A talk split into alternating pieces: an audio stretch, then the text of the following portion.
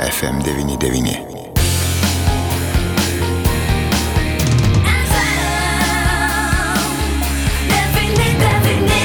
Radio stotis FM99. Kur žolė žalesnė. Radio stoties FM99 eterė diskusijų laida su Rimvidu Valatka. Kur žolė žalesnė. Sveiki, bičiuliai, kaip įprasta, kur žolė žalesnė, prie mikrofono Liudas ir Rimvidas Valatka. Labadiena, panas Rimvidai. E, Labadiena, Liudai. Šiandien, ko gero, turime begalę įvairiausių temų, kurias norėtųsi aptarti ir išgirsti ir žinoma jūsų nuomonę. Pradėkime nuo savo daržo, na, kur žolė žalesnė, už lango žolė iš tikrųjų jau žalesnė. Ir norėčiau pradėti nuo... Mm, Paprasto klausimo. Štai valstiečiai pareiškė, kad jeigu Vytautas Landsbergis bus pripažintas faktiniu Lietuvos vadovu, o civilinės sąjungos įstatymas vis dėlto prasiskins kelią Seime, jie tada traukėsi iš visų partinių susitarimų, tame tarpe ir nacionalinio saugumo. Kaip Jūs galėtumėt pakomentuoti tokią situaciją, kai atrodo įtampų pasaulyje ir dabar užtenka iš tai tos svarstyklės ar lygiavertės tos lėkštės? E, kokį čia žodį pavartot? Kažkada buvo madingas Lietuvos politikoje desperados. A, iš tiesų, kas yra valstiečiai, a, nu ne šiandien, bet netolimoje ateityje. Tai yra vėl marginalinė partija. Kodėl? Todėl, kad a, vis, reiškia, dabar Karbauskis elgesi kaip supykęs vaikas, e, kiti vaikai nenori žaisti tai taip kaip jis žaidžia, jis sako, pasimsi visus žaislus ir išsineši ir neduosi jums ne vienos mašinikės. Tai a, anksčiau dar jis turėjo Širinskienę, kuri jam būtų prieėjus ir tyliai ausį pasakius, e, pirmininkė, bet jūsų žaislus dar pernai išsinešė skvernelis. Visus galiojančius žaislus ateityje liko tik tai tokios sulūžusios mašinikės. Bet ir Širinskinė išsinešė savo žaislus ir jos nebėra. Tai iš principo nujaučia partija, kad tai yra pas, paskutiniai pasispardymai, nes jos, jos ele, valstiečių elektoratą pasims kvernelis. Ir kuo toliau, tuo labiau tas matosi. Tai va toks desperatiškas elgesys. Antras dalykas, turbūt net, net, net meščiau ir to momento, kad nu, labai norisi už kažko užsikabinti, ar ne? Nu ir ką, Landsbergis tinka, ar ne? tinka. Na, jis tinka bet kokiamis progomis Taip, ir ta bet kam. prasme, Landsbergio tiek mylėtojų, tiek nemylėt, nu, nemylėtojų bureliai yra labai dideli, ar ne? Na ir homofobija Lietuvoje taip pat tebėra variantas, bet vėlgi, nu, Ir skvernelio publika Landsbergio nemėgsta, ir skvernelio publikoje dauguma homofobų yra, tai ką tu to laimėsi. Žodžiu, bando žmogus, kaip, kai žmogus kestų, jisai grėbėsi ir užšiaudą. Na, aš tikiuosi, kad tas šiaudas jis labai trumpas. Taip, bent jau prisiminus prieš keletą savaičių, jeigu neklistų paskutinės apklausas publikuotas, tai valstiečių 6,5, man rodos, nedaugiau e, bendras skaičius, e, palyginti su tuo, kas buvo ar ne prieš tuos pačius 5-4 metus, tai kritimas labai stiprus. Ne, Be jokios abejonės. Ir, ir čia, ne, čia net nereiktų sociologijos, reiktų prisiminti paprastą faktą. Kiek valstiečiai turėjo, kai jie išsilizingavo skvernelį. Valstiečiai turėjo baškienę Seime ir turbūt tai buvo viskas, ar ne Taip. vienmandatai. Tai, tai dabar jie nebeturi net ir baškienės, kuri gali vienmandatę laimėti. tai, tai iš esmės skvernelis pasiima ne tik dalį žmonių, dėl kurių galbūt nereiktų sukti galvos, nėra tokia didelė vertybė, bet skvernelis pasiėmė visą tą know-how, kuris atnešė. Ir natūralu, kad skvernelis, kuris visas yra politikoje, jis neturi nei agrokoncerno, nei nieko, natūralu, kad e, atėjus rinkimų metui, jisai bus ant bangos, nes dar jis yra opozicija, buvęs premjeras, o kas yra Karbauskis? Žmogus, kuris pabėgo iš Seimo. Tai, tai aš nežinau, kas e, kurioj šaly, kurie rinkėjai mėgsta dezertyrus. Nu, niekas jų nemėgsta, tai žodžiu, skvernelis vienai par kitaip, net ir sociologija tai pamažu rodo, juk dar iki rinkimų yra labai didelis laiko gabalas. Taip, iki Seimo rinkimų. Savivaldos rinkimų yra kur kas mažiau, trumpesnis laikotarpis negu metai, bet ko gero ir čia valstiečiai praktiškai na, jau nebeturi kažkokių realių taškų, na galbūt vietiniai, ar net tai kažkur. Dar yra uh, rezervas, ką skvernelis ir daro, jis nekuria naujų skyrių, jis pasižiūri, kur ten koks uh, valstietis nepatenkintas pirmininku nuvažiuoja, sako, gal tu pereik pas mus, tai iš principo e, dar šitas e, rezervas skvernelio nėra iš, išeikvotas, jisai bus panaudotas, tai net ir savivaldos rinkimuose, kurie valstiečiam rajonuose visada būdavo palyginti sėkmingi, gali būti pirmieji a, pralaimėjimo ženklai. Na, dabar dar du trumpi klausimai, kuriuos taip pat galima trumpai atsakyti. Tai yra Vytauto Landsbergio pripažinimas faktinių šalies vadovų. Realu, kaip jums atrodo? Tai manyčiau, kad nu, logiš, logiška būtų pripažinti, nes nėra pasaulyje valstybės, kuri neturėtų vadovo. vadovo. Jeigu mes dabar norim įrodyti, o tie, kurie priešinas, aš, aš nesu uh, Landsbergio gerbėjas, jeigu sudėtume visus tekstus, kuriuos esu skyręs Landsbergio kritikai, turbūt dar Lietuvoje su manim joks Karbauskis negalėtų varžytis, ar ne? Bet aš galiu pasakyti vieną dalyką. 1990-1992 metais Lietuva buvo valstybė. Ja pripažino visas pasaulis, jis įstojo į jungtinės tautas, Tai dabar žmonės, kurie tvirtina, kad Landsbergis nebuvo vadovas, nori pasakyti, kad Lietuva 90-ais po kovo 11 nebuvo valstybė. Jūs Abs... buvote signataras, Taip. jūs galite tvirtinti tai. Absurdas. Be abejo, kad nebuvo prezidento valstybės, ar ne? Valstybės prezidento pareigas ėjo aukščiausios tarybos pirmininkas, na, kiti sako, aukščiausios tarybos prezidiumas, e, kolektyvinis, ten septynių ar kiek narių organas buvo. Aš sakyčiau, kad ne, vis dėlto rašydavosi ne septyni, ant Ant dokumentų susitarimo su Jelcino nėra septynių parašų, yra, yra, yra Landsbergio parašas.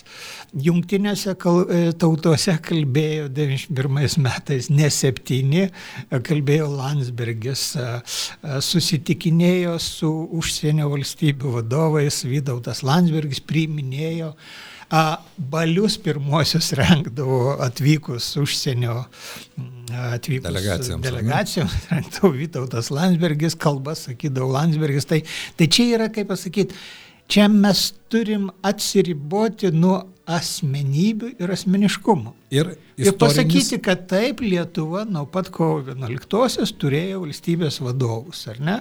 O jau kas ten buvo, nu, Tai, pavyzdžiui, jeigu aš būčiau valstietis ir, ir toks, nu, piktas ant Landsbergio, iš prigimties piktas, pats nežinau kodėl, nu, kolhozus sugriuo, bet jie patys sugriuo, tai aš sakyčiau, kad, nu, aš balsuoju vien todėl, kad aš esu Lietuvos pilietis.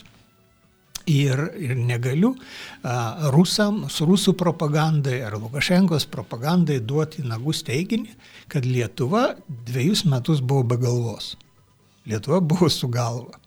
Taip. Gali pykti ant tos galvos, Taip. nemylėti jos, bet ji buvo su galva. Istorinis taškas yra ir jį reikia padėti. Jums taip, taip atrodo? Taip. Na ir žinoma, civilinės sąjungos įstatymas, štai vakar jis buvo pristatytas Seime ir užteko ko gero vien to fakto ir jau pasipylė pačios įvairiausios nuomonės. Šiandien būtent ta diena, kai mes šiek tiek turime prisiminti ir apie savo toleranciją ir homofobiją galbūt padėti jau į istorijos stalčių, bet dėja taip nėra. Jūsų nuomonė, ar pavyks šį kartą kartą netgi tokį apkramtytą įstatymo projektą Seime, na, sako, kad reikia bent pradėti diskusijas. Greičiausiai pavyks, na, jeigu visai nepavyks, tai e, vadinasi, Seime yra daugiau tokių tautos atstovų, kurie, kurie nori, norėtų, kad Lietuva kuo mažiau skirtusi nuo Putino Rusijos. Ir Baltarusijos. Nuo Lukašenkos Baltarusijos Na, o jeigu mes e, jau save laikome europiečiais, tai mes turėtume pasakyti, kad nu, laisvoje šalyje kiekvienas pilietis turi turėti tokias pat teisės, kaip ir visi kiti piliečiai. Šiuo metu na maždaug galime mes spėti 5 procentai, 6 procentai piliečių, a, tokia imtis gali būti, a, neturi labai daug pamatinių teisių, sukurti šeimą ar ne. A, iš to iš šeimos išplaukiančių palikimo reikalų, ten vis pavardės reikalų, vaikų auginimo reikalų ir taip toliau. Tai čia matyti yra klausimas toks, kiek ilgai mes, tai yra kiek ilgai tam tikra veikėjų dalis nori išlaikyti Rusiją Putino ir tokio kaip patriarchas Kirilas įtakoje. Tai Tai vat, jeigu tai pasižiūrėtų žmonės į tą reikalą, galbūt paprasčiau būtų priimti ir reikalingus įstatymus. Bet tokių yra. Štai šiandien rytą mes į Facebooką įdėjome apie tai, jog Azovo 260 karių buvo išvežti į Rusijos teritoriją ir viena iš Facebooko mūsų lankytojų parašė, tai juk jie gynė ne Mariupolį, jie gynė ne Ukrainą, jie gynė tas biotehnologijų laboratorijas, kuriuose kūriamas koronos virusas ir visi kiti. Ir atvirai sakant, prabėgus tiek laiko, 83 karo diena, na mane tai nustebino, kad dar vis yra žmonių, kuriuos pasiekė ar pas kuriuos dar liko tas propagandinis užtaisas tokiame ligmenyje. Jeigu neklystų, dabar Menulis yra arčiausiai Žemės per pastaruosius 68 metus. Tai paskutinį kartą jis buvo taip arti Žemės, kai mes liūdai su jumis dar nebuvom, net mes nebuvom gimę. tai, tai aš sakyčiau, kad čia yra iš šitos srities pilnatis, arčiausiai Žemės, na tai žmogui matytos laboratorijos apsigyveno galvelėje kurią labai veikia menulis, nors mokslininkai sako, kad menulis ne va tai neveikia, kad yra moksliniai tyrimai, bet... Um, na, na, jeigu vandeniną veikia ar ne? Ne, bet, bet galiu iš savo redaktoriaus patirties 30 metų pasakyti, kad daugiausia keistų klientų ir, ir prašytojų, ir besiskundžiančių pas mane ateidavo tomis dienomis, kai būdavo pilnatis. Na, o dabar žinoma apie rimtus reikalus ir Azovo pulkas. Vakar vakaro informacija, šios nakties galima sakyti informacija ir iš ties nuomonių yra pačių įvairiausių, nuo to, jog štai valdžia visada yra valdžia ir Ukrainos valdžia paliko tuos didvyrius, kurie 82 dienas gynė, nekreipdami dėmesio į tai, kad neturėjo nei papildymų ir iš tikrųjų tai yra na, unikalus, ko gero, atvejs šių laikų karo istorijoje, ar ne? O kita pusė sako, juk nebuvo kitos išeities, tai norėčiau tą temą irgi paliesti mūsų pokalbėje. Kol uh, tie 264 sužeistieji nepasiekia Ukrainos, be abejo yra rizikinga, ką nors teikti, nes mes turime reikalą su orkais, nes su žmonėmis su orkais jie gali nepaisyti susitarimų, ar ne? O jie buvo pasiekti, vadinasi, jeigu o tai įvyko. Mano galva, jie buvo pasiekti ir kas padėjo pasiekti, jeigu prieš tai jungtinių tautų generalinis sekretorius nepadėjo, Turkijos prezidentas, kuris norė, galėjo pasiimti juos visam karo metu ir išsivežti, nepadėjo. Popiežius. Popiežius, net popiežius nepadėjo, dabar padėjo. Gal iš tiesų uh, Kinijos ksi įsikišo, gali būti, ne, bet apskritai Greičiausiai, kad e, pati karo dinamika verčia rusus ieškoti atbulinio bėgio. E, žiūrėkit, kaip, kaip staiga, reiškia, Rusijoje net šitie Putino šešetukai, Lavrovas, ten Volodinas, nekalbant apie propagandistus, jie nespėja su Putinu. Lavrovas reikia, kaip baisu, Švedija, Suomija stos į NATO, čia duosim, Iskanderus vežam taip toliau. Putinas po pietų sako, kad čia nieko blogo, svarbu, kad karinių bazių nebūtų.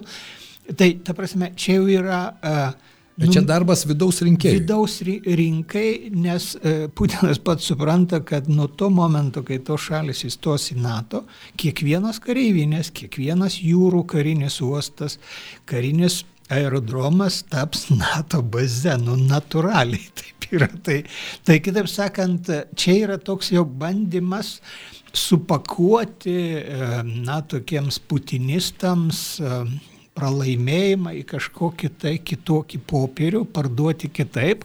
Ir turbūt ir Azovas yra, nu, jeigu tu jau pralaiminėjai karą, tai tu nebegali diktuoti. Prisiminkim, ką sakė Putinas, Lavrovas, likus kokiom dviem savaitėm iki karo. Tegu NATO neždinasi iki 2000 a, kurių ten... Ne, iki 97 metų. Tai iš pradžių iki 2004. Taip, po to buvo. Po to iki 1900, nieks nekreipė dėmesį, iki 1997 sienų. Tai kitaip sakant, iš Baltijos šalių ir buvusio Varšuvos pakto šalių. Tame tarp rytų Vokietijos. Turi, turi pasitraukti, reiškia, palikti Dabar jis yra pamiršęs visus tuos dalykus, jis yra pamiršęs denacifikaciją, demilitarizaciją Ukrainos, Zelenskio pašalinimą, Kievo užėmimą. E, dėl ko jis dabar kovoja? Dėl Severdonetsko. Mes tokio miesto turbūt nežinau, nors ten gyvena apie 170 tūkstančių gyventojų, tai yra, nu, kaip, kaip trys alytus, sakykim taip, reiškia, jis net to miesto negali per 80 dienų paimti. Tai, tai vad, kai tu jau supranti, jog esi pralošęs, tu turi pradėti kitaip elgtis, esi jau pastatytas į vietą. Na, o vis dėlto aš puikiai suprantu, kad dabar kaip jūs sakote, kol tie sužeisti kariai, jie nesugrįžo į Ukrainą, sunku kalbėti apie tolesnę eigą, bet ten dar liko kariai, jie dar kovoja, ten viskas vyksta, karas vyksta ir toliau. Azovmaš teritorijoje, Rusijuose, bunkeriuose. Be jokios abejonės, turbūt tie 264 vokieč, vokiečiai turi tokį, tokį žodį štichprobę. Tai yra, jeigu juos neperduos, jeigu apsikeitimas neįvyks, vadinasi, Rusija bus susidirbusi dar kartą viso pasaulio akise, bus lengviau turbūt sankcijas dėl naftos ir dujų įvesti, net ir vengrai neturės ką pasakyti, o sveikieji toliau tęs kovą. Na ir taip galima skaičiuoti, jeigu jie prasilaikė 80 su viršum dienų, ar jiem dar ką nors reiškia prasilaikyti dar 30 dienų, nes e, panašu, kad rusai nori išvalyti bent tokiu būdu Azovstal, kad jie patys išeitų, kad tu galėtum paskelbti užėmiai nors Mariupolį visą ar ne. Tai jie, aš manau, kad 30 dienų dar kovotų, o po 30 dienų tai iš kitos pusės gali, gali Ukrainos kariuomenė ateiti deblokuoti jau Tai, tai turbūt vat, vat tokios svarstyklių lėkštės ir nors aišku, su rusais visada yra, jeigu gali, už, jis gali užsikepti ir tiesiog atkeršyti, pavyzdžiui, sakyti, nužudykit juos. Tai ir, ir nereiktų labai stebėtis, jeigu taip ir atsitiktų. Galėtų ir taip. Manau, kad galėtų. E, kai kas sako, jog galbūt e, dabartinė situacija Mariupolėje tai yra tam tikra prasme noras išgelbėti Odesą. Sunku, sunku pasakyti, Odessa uh, taip, link Odessa uh, rusas vaikšto kaip katinas aplink, aplink lašinius. Ten palaidojo didžiausią savo juodosios jūros laivą. Um, realiai nieko ten, ko gero, jau negali pavykti, nes Pagal karo ekspertų svarstymus Odesą reikia imti iš dviejų pusių - iš jūros ir užėmus Nikolajevą iš, um, iš šiaurės apeiti iš tos pusės. Tai kadangi Nikolajevas apgintas, ukrainiečiai yra netoli Hersono, varianto nėra.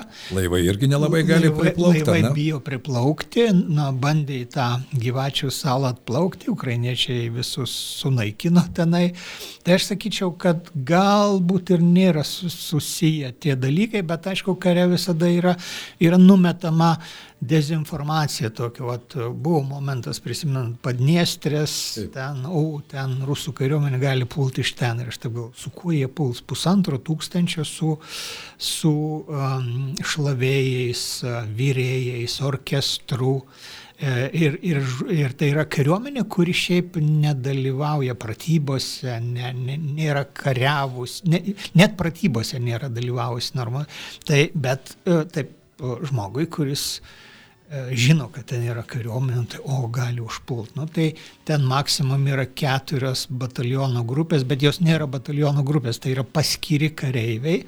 Bet aišku, vėlgi, kai tu pradedi kalbėti, nu, tu negalėt mes kad rus, rusas nelieps, tarkim, jiems išžygiuoti. Reiškia, tu vis tiek juos turi sunaikinti. Vat, vat kare čia nekarta Ne vienas rimtas ekspertas yra pasakęs tokius žodžius, kad, nu, maždaug rusai sugaudo žmonės gatvėje ir, ir jos po trijų dienų Siunčia į frontą. Siunčia į frontą. Tai, tai aišku, kad toks um, dalinys jis nėra stiprus, jis nėra kovinis dalinys, bet yra kitas dalykas. E, jeigu jis yra varomas į ataką ir jis eina į ataką, tu, tu jį turi nužudyti arba sužeisti tu turi eikvoti sviedinius, tu turi eikvoti šaudmenis, tavo kariškiai irgi gali žūti, kitaip sakant, tu fiziškai pavargsti va šitą masę naikindamas. Tai, tai va tokių variantų yra. Beje, žinoma, kalbant apie dabartinę situaciją Ukrainoje, čia yra daug dedamųjų, bet nežinau, e, galite patvirtinti, paneigti, tų nuomonių yra pačių įvairiausių, netgi okupuotose teritorijose jie dabar bando gaudyti ten esančius vyrus ir juos tokiu būdu imti į kariuomenę, kas mano nuomonė, na, Logikos tame nėra visom prasmėm, bet matyt tos gyvosios jėgos trūkumas jis yra norint sudaryti tą smogiamąją grupuotę, kuri kažkaip taip ir nesmogė, ar ne? Visi tikėjosi, visi laukė, bet nieko ir neįvyko. Tos kovos vyksta, bet jos daugiau tokios vietinės reikšmės. Žiūrėkim, pas rusus nieko nėra naujo. Ženevos konvencija draudžia okupuoto krašto gyventojus šaukti kariuomenį. Donetskas yra okupuotas, Krymas okupuotas, Luhanskas, ten ištisi pulkai sudaryti iš tų uh, žmonių, dabar naujas okupuotos teritorijos. Ir kaip jie elgėsi Lietuvoje. Ta pati 44 metais. Kodėl miškuose 44 pabaigoje, 45 buvo 130 tūkstančių lietuvių. Tai kad, jaunų vyrų. Jaunų vyrų, todėl kad visi jie būtų nuvaryti žūti um, Lenkijoje, Vokietijoje, Prūsijoje ir, ir, ir taip toliau. Rusai visą laiką nori kariauti uh, svetimom rankom, nes jie laiko žmogų tik tai uh, mėsa patranko, ne, ne, ne kareivių, bet, bet patranko mėsa.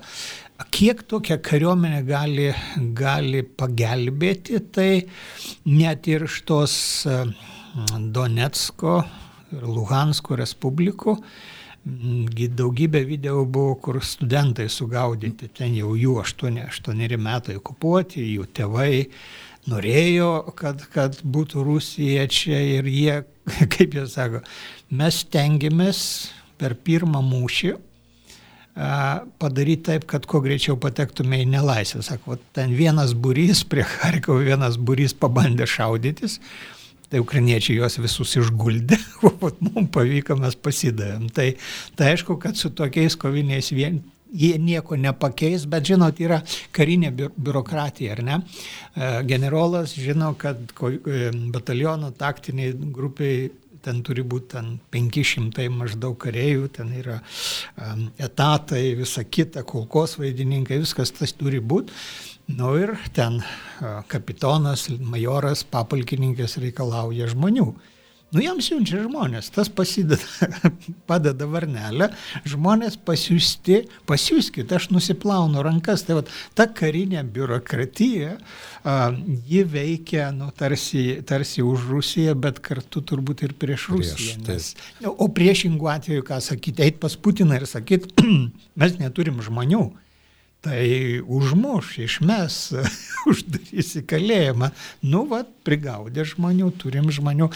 Prasme, ima juokas, tai tiem žmonėm, aišku, ne, ne juokas yra. Negali būti juokas, bet, bet žinoma, kad rusai susiduria, kad ir kaip būtų keista, su gyvosios jėgos problema. Ir ta problema iš esmės yra kodėl? Todėl, kad Rusija nėra Sovietų sąjunga. Sovietų sąjungai buvo pabaigoje 270 milijonų gyventojų, Rusija turi apie 140. 40, Vadinasi, pusė resursų ji gyvosios jėgos yra netekusi, plus Rusija labai yra e, senstanti šalis, ar ne, ten visą laiką daugiau miršta negu, negu gimsta. Ir ne vienas milijonas per štai prabėgusius metus jau spėjo iš jos pabėgti. Ir dar vienas, taip, sako, kad kai kurie iki 3 milijonų, Taip. gal tiek, tiek nepabėgo, bet koks milijonas tikrai pabėgo.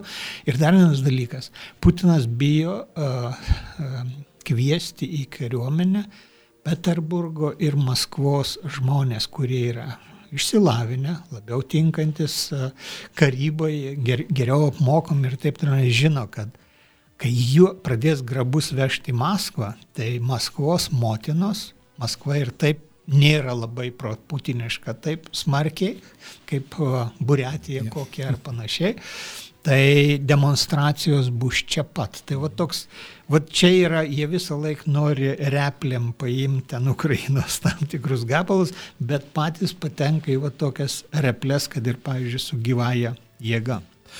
Laikas, be jokios abejonės. Vieniems tai galbūt sąjungininkas, kitiems tai iš tikrųjų, ypatingai Ukrainai, kalbant ir apie ekonomikos smukimą, rusai nusiteikia vis dėlto naikinti jų ekonomiką, naikinti visus finansinius išteklius.